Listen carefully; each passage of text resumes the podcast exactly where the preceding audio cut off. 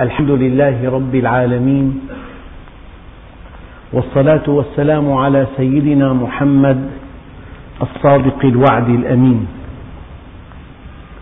اللهم لا علم لنا إلا ما علمتنا إنك أنت العليم الحكيم.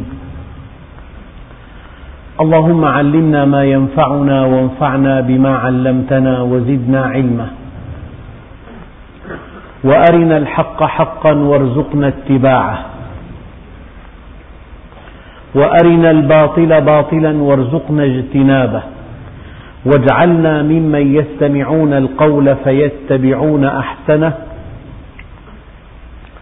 وأدخلنا برحمتك في عبادك الصالحين. أيها الإخوة المؤمنون مع الدرس التاسع والخمسين من دروس سورة البقرة ومع الآية السابعة والسبعين بعد المئة وهي قوله تعالى ليس البر أن تولوا وجوهكم قبل المشرق والمغرب ولكن البر من آمن بالله واليوم الآخر والملائكة والكتاب والنبيين وآتى المال على حبه ذوي القربى واليتامى والمساكين وابن السبيل والسائلين وفي الرقاب وأقام الصلاة وآتى الزكاة والموفون بعهدهم إذا عاهدوا والصابرين في البأساء والضراء وحين البأس أولئك الذين صدقوا وأولئك هم المتقون. هذه الآية أيها الإخوة تم شرح نصفها الأول في الدرس الماضي. بل شرح نصفها العقدي وبقي نصفها الحركي. الدين اعتقاد وعمل اعتقاد وسلوك منطلق نظري وسلوك عملي. هذان الجانبان الكبيران. وما أرسلنا من رسول إلا نوحي إليه. الجانب العقدي أن لا إله إلا أنا. وفاعبدون الجانب العملي. فالإيمان اعتقاد وسلوك. وأي إنسان أو أية جهة أو أية جماعة اكتفت بأحد الشطرين فقد ضلت سواء السبيل.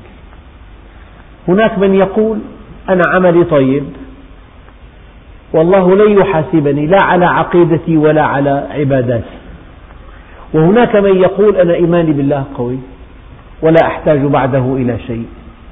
كلاهما ضل سواء السبيل. الإسلام إيمان وعمل. الذين آمنوا وعملوا الصالحات. أن اعبدوا الله العمل ما لكم من إله غيره. وما أرسلنا من رسول إلا نوحي إليه أنه لا إله إلا أنا فاعبدون. كل, كل منهما الاعتقاد والعمل شرط لازم غير كاف فالذي يركز على الاعتقاد فقط ويضعف عمله لم يصب الهدف. والذي اعتنى بعمله ولم يصح اعتقاده أو لم لم تصح نيته لم يصب الهدف. فالله عز وجل يقول ليس البر هذه الشكليات وتلك الجزئيات وهذه التفاصيل إنها مطلوبة ولكن أن تكتفي بها ليس برا. لا بد من أن تضع يدك على جوهر الدين.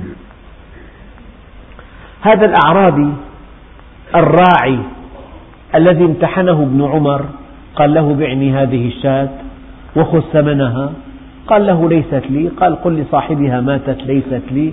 خذ ثمنها ليست لي. ثم قال له إنني في أشد الحاجة إلى ثمنها.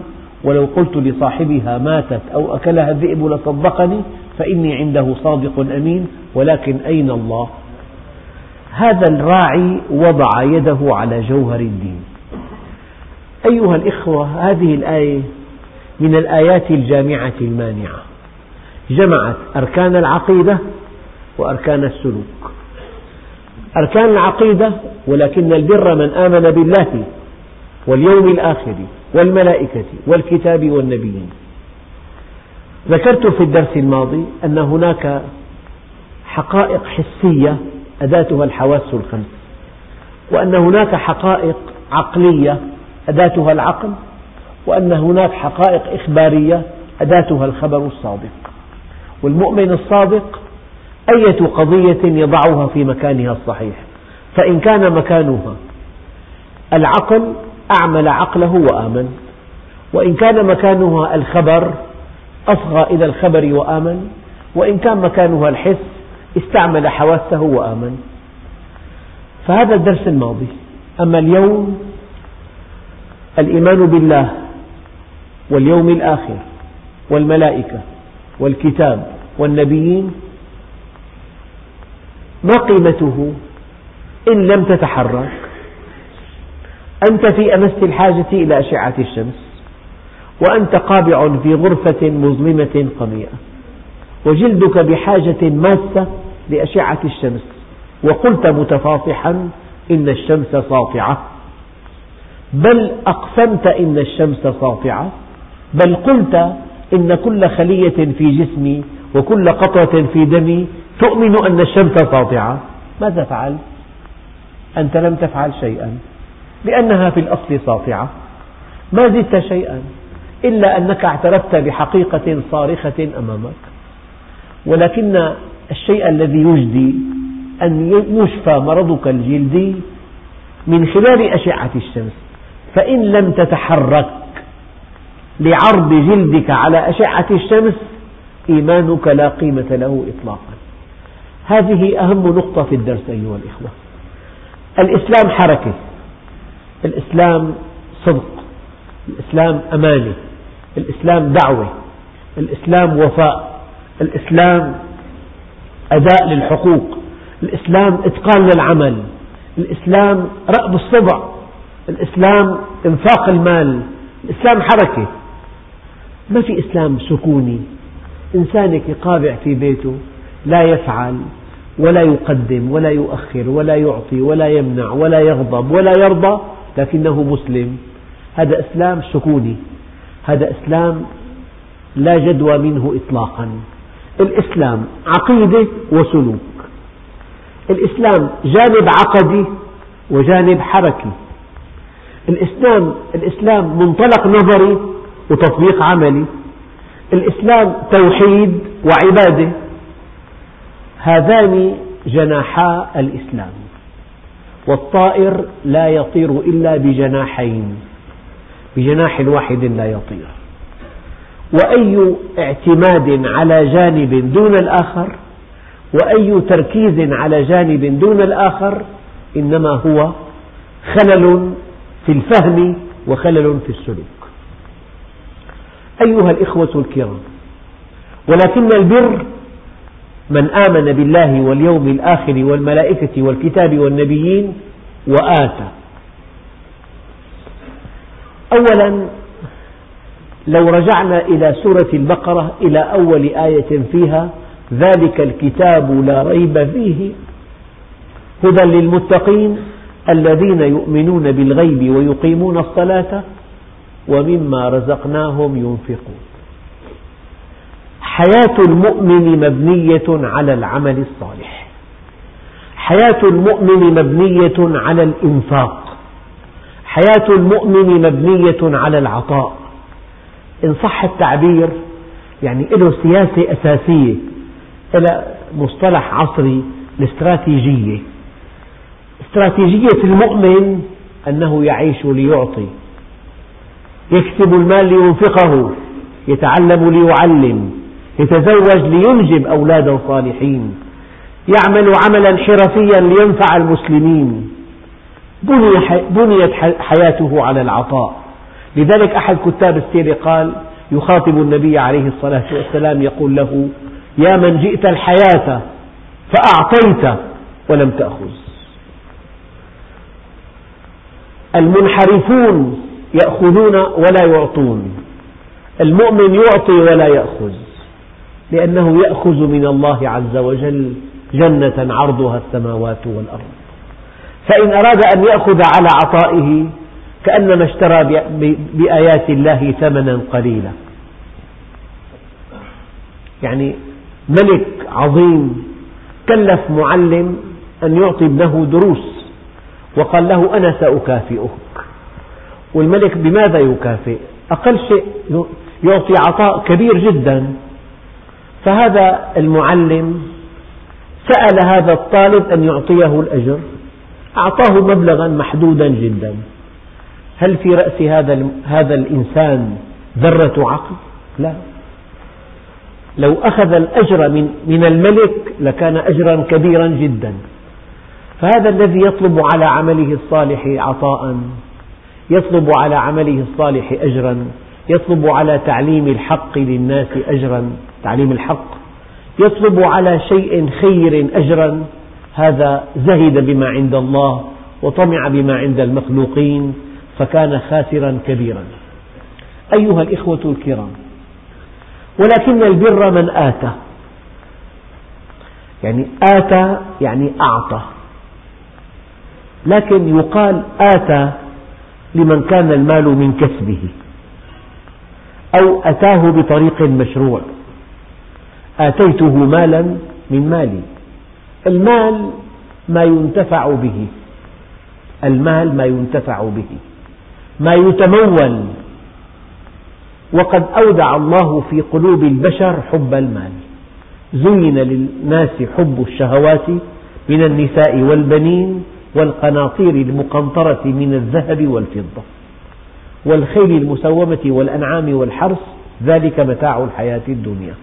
ولولا أن الله حبب المال إلينا لما كان من جدوى من إنفاقه ولما كان إنفاقه قربة إلى الله عز وجل.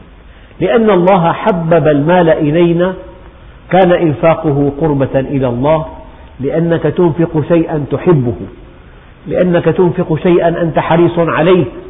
إن الإنسان خلق هلوعا إذا مسه الشر جزوعا وإذا مسه الخير منوعا يحب المال يحب جمعه يحب ادخاره يحب كنزه يحب أن يتباهى به. لأن الله ركب في الإنسان حب المال وأمرنا بإنفاق المال كي نصل إليه وكي نرتقي إليه وكي نصل به إلى الجنة.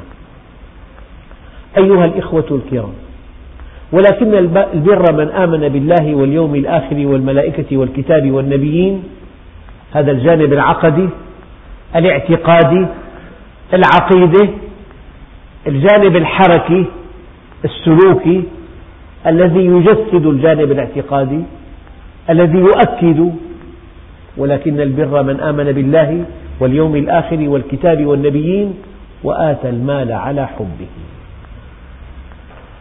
أيها الإخوة الكرام دققوا في كلمة على حبه. آتى المال وهو يحب المال. شيء إن أحببته أردت أن يكون لك. أردت أن تقتنيه. أردت أن تضمه إليك. أردت أن تدخره لأنك تحبه. العمل حركة معاكسة لميل النفس. وهذه الحركة المعاكسة لميل النفس هي ثمن الجنة. حركة معاكسة لميل النفس. امرأة جميلة إن نظرت إليها مشيت مع رغبة النفس مع هوى النفس. فإن غضضت البصر عنها قمت بحركة معاكسة لميل النفس. هذا هو ثمن الجنة. فأما وأما من خاف مقام ربه ونهى النفس عن الهوى فإن الجنة هي المأوى. فالله عز وجل أودع في الإنسان حب المال. بنص قوله تعالى زين للناس حب الشهوات من النساء والبنين والقناطير المقنطرة من الذهب والفضة. ذلك أن المال كما قال بعضهم مادة الشهوات. أنت بالمال تشتري أي شيء.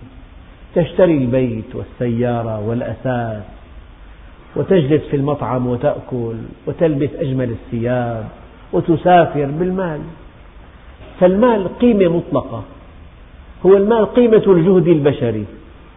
إنسان صنع شيء بجهد بجهد عضلي أو جهد فني أو جهد علمي واستغرق مال ووقت تشتريه أنت بألف ليرة هذا الجهد. هذه القطعة اشتريتها بألف ليرة. أنت ماذا فعلت؟ اشتريت جهدا علميا أو فنيا أو عضليا.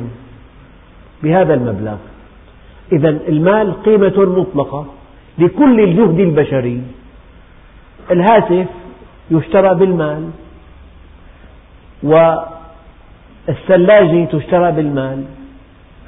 وأن تجلس في فندق وأنت مسافر هذا مقابل مال تدفعه. فالمال قيمة مطلقة. ما يتموله الإنسان ما يدخره ما كان محببا إليه ما جعله الله يعني قيمة مطلقة لكل شيء. لحكمة أرادها الله عز وجل. بتعريف الفقهاء المال ما ينتفع به.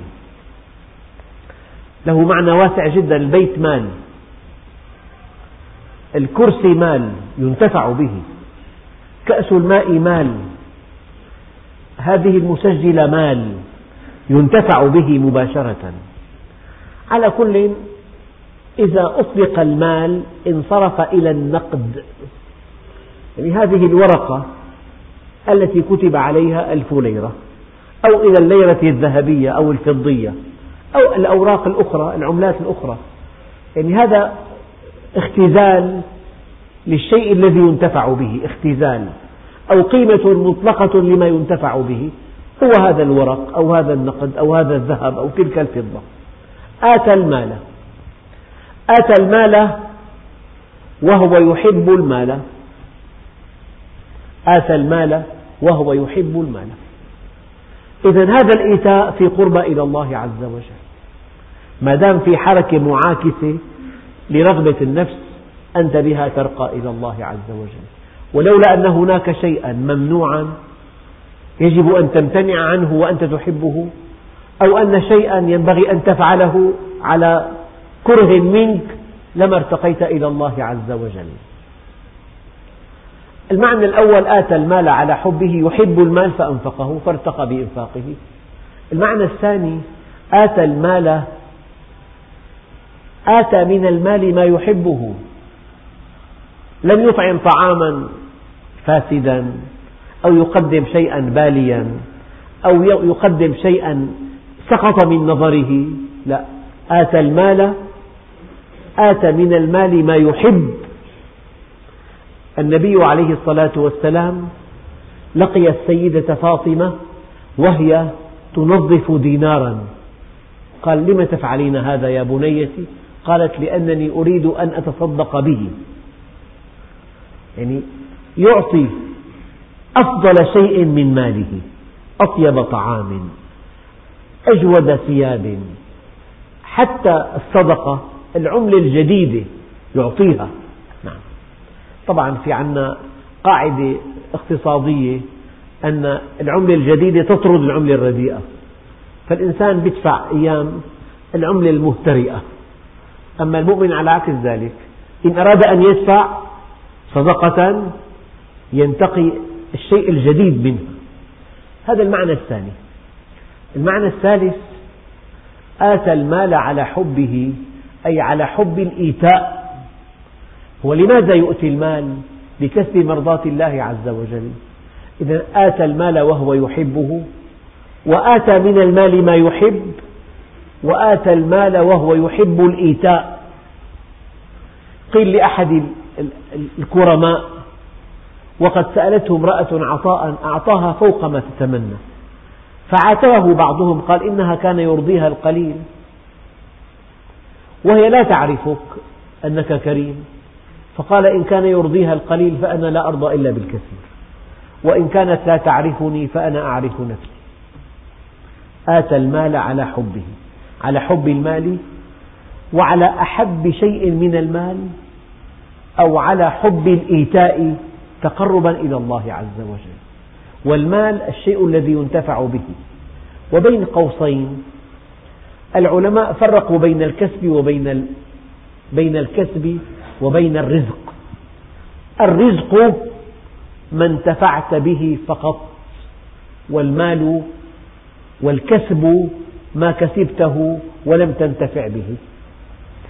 يعني القميص الذي ترتديه هو رزق. والسرير الذي تنام عليه هو الرزق وهذه الزوجة هي رزق وهذا وهذه الصحة هي الرزق. أما المدخرات التي في اسمك أو في حسابك أو في صندوقك ولم تنتفع بها هذا كسب وليس برزق لأن الكسب تحاسب عليه ولم تنتفع به. بينما الرزق تحاسب عليه وقد انتفعت به. أيها الإخوة آتى المال على حبه. من؟ من أحق الناس بالعطاء؟ ذوي القربى. حتى أن بعض الفقهاء يقول لا تقبل زكاة مال من مزك وله أقارب محاويج. والإنسان أعلم بأهل بيته أعلم بأقربائه. يعلمهم حقيقة أوراقهم مكشوفة. ما في مشكلة ما في احتيال ما في كذب. بل إن النبي عليه الصلاة والسلام شجع المؤمنين على أن يتكافل بعضهم بعضا عن طريق إعطاء الأقارب لأن العطاء للقريب هو صدقة وصلة في وقت واحد. صدقة وصلة. وليس من الضروري أن تقول لقريبك لأخيك لأختك لابنة أخيك. هذه صدقة. أو هذا من زكاة مالي. هذا شيء لا يرضي الله عز وجل. لك أن تقدم هذا المبلغ الذي هم في أمس الحاجة إليه بطريقة أو بأخرى بطريقة هدية في مناسبة ولادة في مناسبة نجاح ابن في مناسبة شراء بيت في مناسبة عقد قران من قال لك ينبغي أن تقول لهذا القريب وهو قريبك أقرب الناس إليك هذا من زكاة مالي. الله عز وجل جعل أولى الناس بعطائك من هم حولك. تعرفهم حق اليقين تعرف حاجتهم تعرف خفاياهم أوراقهم مكشوفة كل شيء تعرفه. فإن أعطيت هذا القريب يعني جعلت المال في موقعه. ولكن هناك انحرافان في إعطاء المال. أناس لا يحبون أن يعطوا, يعطوا أقرباءهم إطلاقا. كل أموالهم للآخرين. طيب هذا ابن أخيك على مشارف الزواج هذه بنت أخيك تحتاج إلى عملية جراحية ووالدها موظف ودخله محدود. هي أولى الناس بهذا؟ يعني يحب أن يعطي الآخرين وهي حالات والله موجودة بعدد كبير. يعني شديد البخل على من يلوذ به كثير السخاء على من لا يعرفه. بالمقابل لا يمكن أن يعطي شيئا لغير أقربائه. يعطيهم الأشياء الثانوية غير الأساسية من أجل أن يحل مشكلاتهم الفرعية والتحسينية لا الضرورية. يعني نسأل يعني في رمضان أسأل مئات الأسئلة. أنه أعطي لبنتي ناقصها براد مثلا أعطي بنتي ناقصها تجدد غرفة ضيوفها مثلا.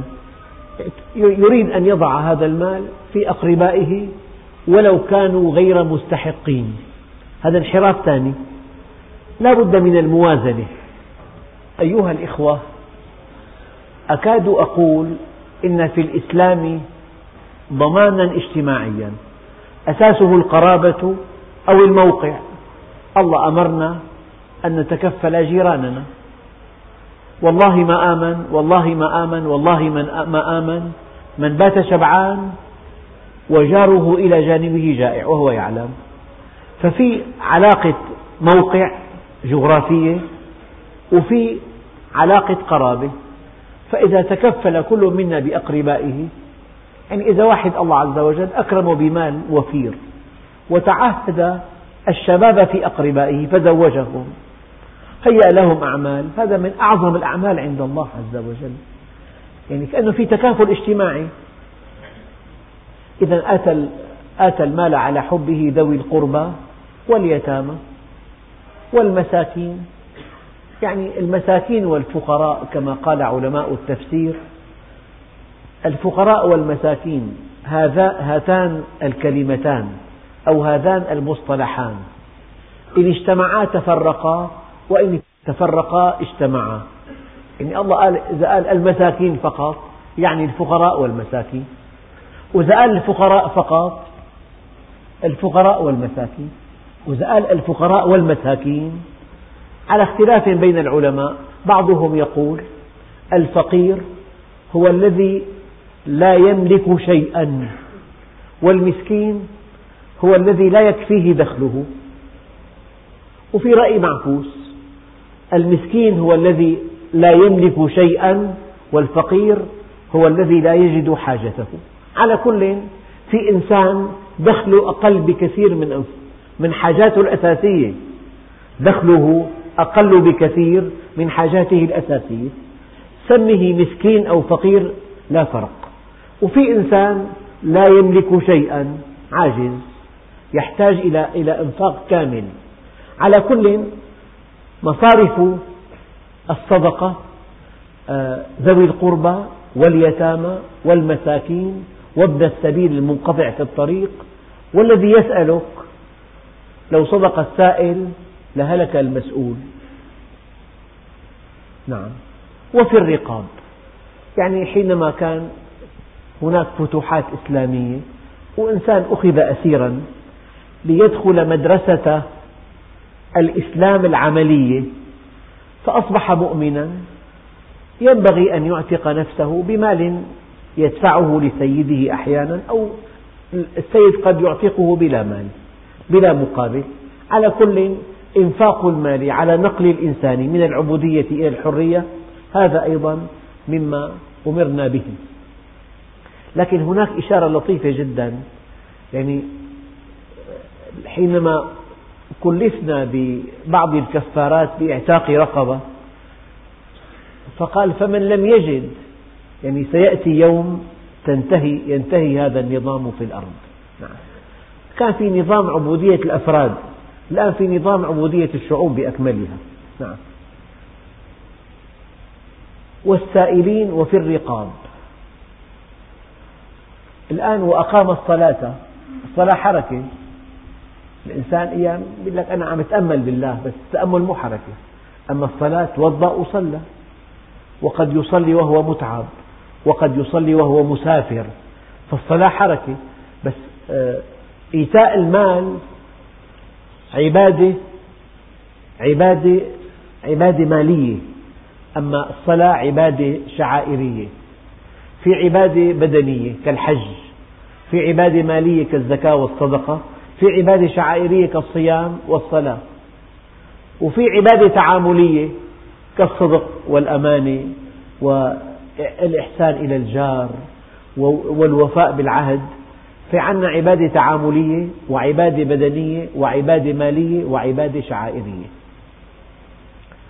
وأقام الصلاة الآن دقق طيب هذا آتى المال على حبه ذوي القربى واليتامى والمساكين وابن السبيل والسائلين وفي الرقاب وأقام الصلاة وآتى الزكاة. إيتاء الزكاة شيء لا علاقة له بالآية السابقة. فرض هاي. هذه فرض فرض على كل غني.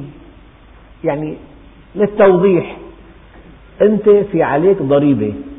لا بد من من دفعها. وإلا وإلا في غرامات وفي جزاء في مساءلة قانونية. فإذا أديت زكاة مالك أنت نجوت من العقاب فقط. هذه فرض فرض في مال الأغنياء للفقراء. الزكاة تؤخذ من أغنيائهم وترد إلى فقرائهم. الزكاة أيها الإخوة تؤخذ ولا تعطى. بدليل قوله تعالى خذ من أموالهم صدقة تطهرهم وتزكيهم وصل عليهم إن صلاتك سكن لهم. تطهرهم تطهر الغني من الشح والفقير من الحقد. تطهر المال من تعلق حق الغير به. تزكي الفقير يشعر بقيمته في المجتمع تنمو نفسه. هناك من يهتم به هناك من يرعى حاله. هناك من يساعده هناك من يقلق له.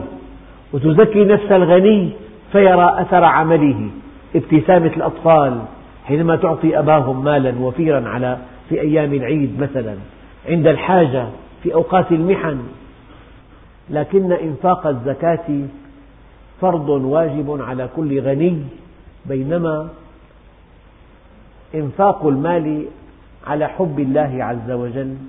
حبا بالله أو حبا بالمال أو إنفاق أحب المال إليك أو الإنفاق حبا بالإنفاق أربع معاني.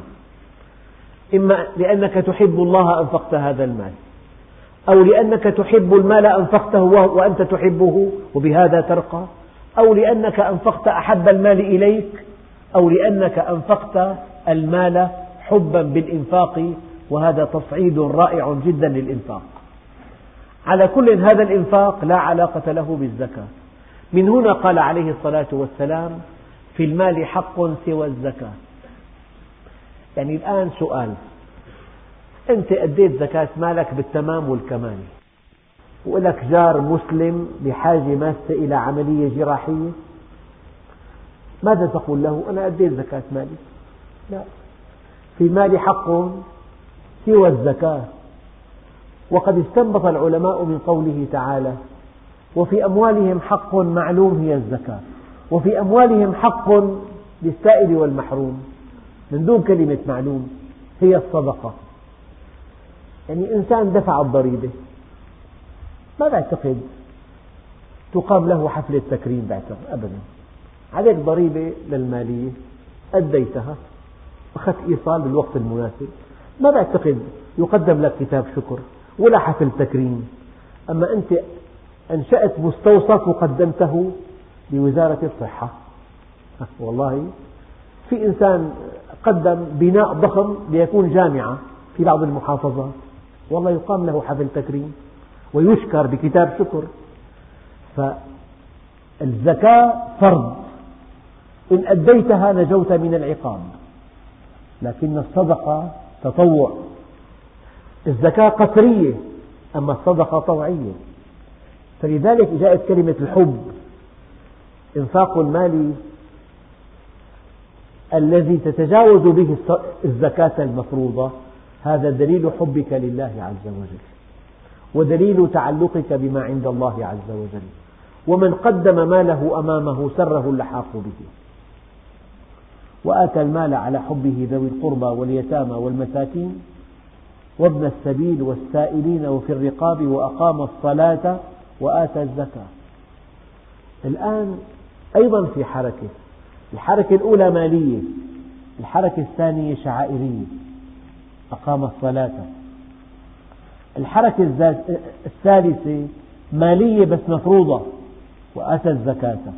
الحركة الرابعة وعدت أن تنفق يجب أن تنفق. وعدت أن تنفق يجب أن تنفق.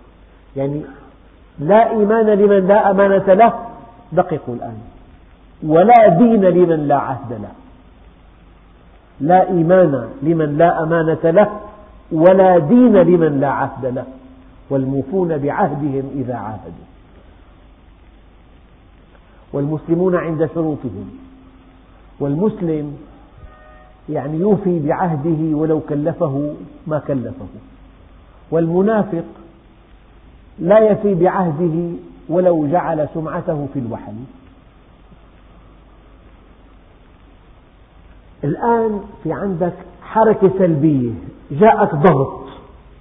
ضغط صحي في مرض لا سمح الله. استسلمت لله صبرت. أو جاءك طاقة مالية حاجة للمال شديدة ونفسك عزيزة. فصبرت. أو جاءك تهديد لتعصي الله فصبرت. أو جاءك إغراء كي تخرج عن منهج الله فصبرت. والصابرين متى؟ قال في البأساء في الفقر الشديد وفي الضراء وفي الألم الشديد وحين البأس في ساحة المعركة. يعني يصبر وهو مفتقر. يقول لك والله لا أملك ثمن أجر الطريق. هذا صبر. والآخرون ينفقون الأموال جزافا. هذا صبر. ولصاحبه أجر كبير. والصابرين في البأساء والضراء وحين البأس. والله أيها الإخوة هذه آية جامعة مانعة. هي جانب عقدي وجانب حركي والحركي جانب مالي. أساس الحب وجانب شعائري وجانب مالي أساسه الفرض في جانب أخلاقي أساسه الوفاء بالعهد وفي جانب سلبي أساسه الصبر في حالات ثلاثة كبيرة في حالة الفقر الشديد وفي حالة الألم الشديد وحين البأس وفي لقاء العدو قال أولئك الذين صدقوا وأولئك هم المتقون. هؤلاء الذين صدقوا في إيمانهم. هذا مصداق إيمانهم. هذا يؤكد صدقهم لله عز وجل. وأولئك هم المتقون الذين اتقوا أن يعصوا ربهم أو اتقوا سخط ربهم أو اتقوا عذاب ربهم. أيها الإخوة جميل بالمؤمن أن يكون وقافا عند حدود الله. وعند كلام الله. فهذه الآية منهج. منهج يجب أن تؤمن بكذا وكذا وأن تفعل كذا وكذا. فإن جمعت بين الإيمان والعمل لا كما قلت في مطلع الدرس. يعني الناس يركزون على الاعتقاد فقط. فلان هي أشياء كلها جديدة. له أرضية إسلامية أو خلفية إسلامية. أو نزعة إسلامية أو شعور إسلامي أو انتماء إسلامي ما يفعل شيء. سلوكه صفر. ما في التزام ولا في عمل صالح بس أفكاره ومشاعره وعواطفه وأرضيته وخلفيته واتجاهه ونزعته إسلامية. ماذا يجدي؟ إنسان آخر يقول لك أنا أنا ما بأذي أحد. أنا عملي طيب. ولن أحاسب على على أي شيء آخر. أيضا انحراف. يجب أن تجمع بين صحة العقيدة وانضباط السلوك. أن تجمع بين الاعتقاد الصحيح والإحسان للخلق. بل إن السيد المسيح عليه وعلى نبينا أفضل الصلاة والسلام قال وأوصاني بالصلاة والزكاة ما دمت حيا. الدين حركتان. حركة نحو الله اتصالا وتعبدا ودعاء واستسلاما وحركة نحو الخلق إحسانا. فمن أسلم وجهه لله وهو محسن فقد استمسك بالعروة الوثقى لا انفصام لها وإلى الله عاقبة الأمور. أيها الإخوة يعني بالجانب الأخير من الآية والموفون بعهدهم إذا عاهدوا هذه صفات المتقين. يعني كم إنسان يعطي عهدا موثقا ولا يفي؟ يعطي وعدا دقيقا ولا يفي بوعده؟ أين, أين هو من الإيمان؟ الخطأ الكبير أن الناس توهموا أن كل إنسان صلى فهو دين أو كل إنسان دخل المسجد فهو دين. لا. هذه صفات المؤمنين حقا والحمد لله رب العالمين.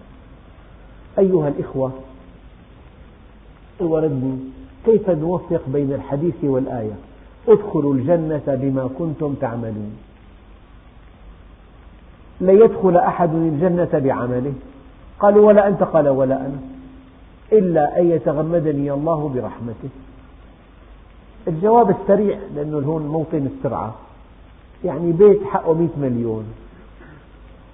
كل عملك الصالح في الدنيا ثمانين سنة استقامة وغض بصر وتحرير دخل وأعمال صالحة بيساوي ثمن مفتاح البيت مو ثمن البيت.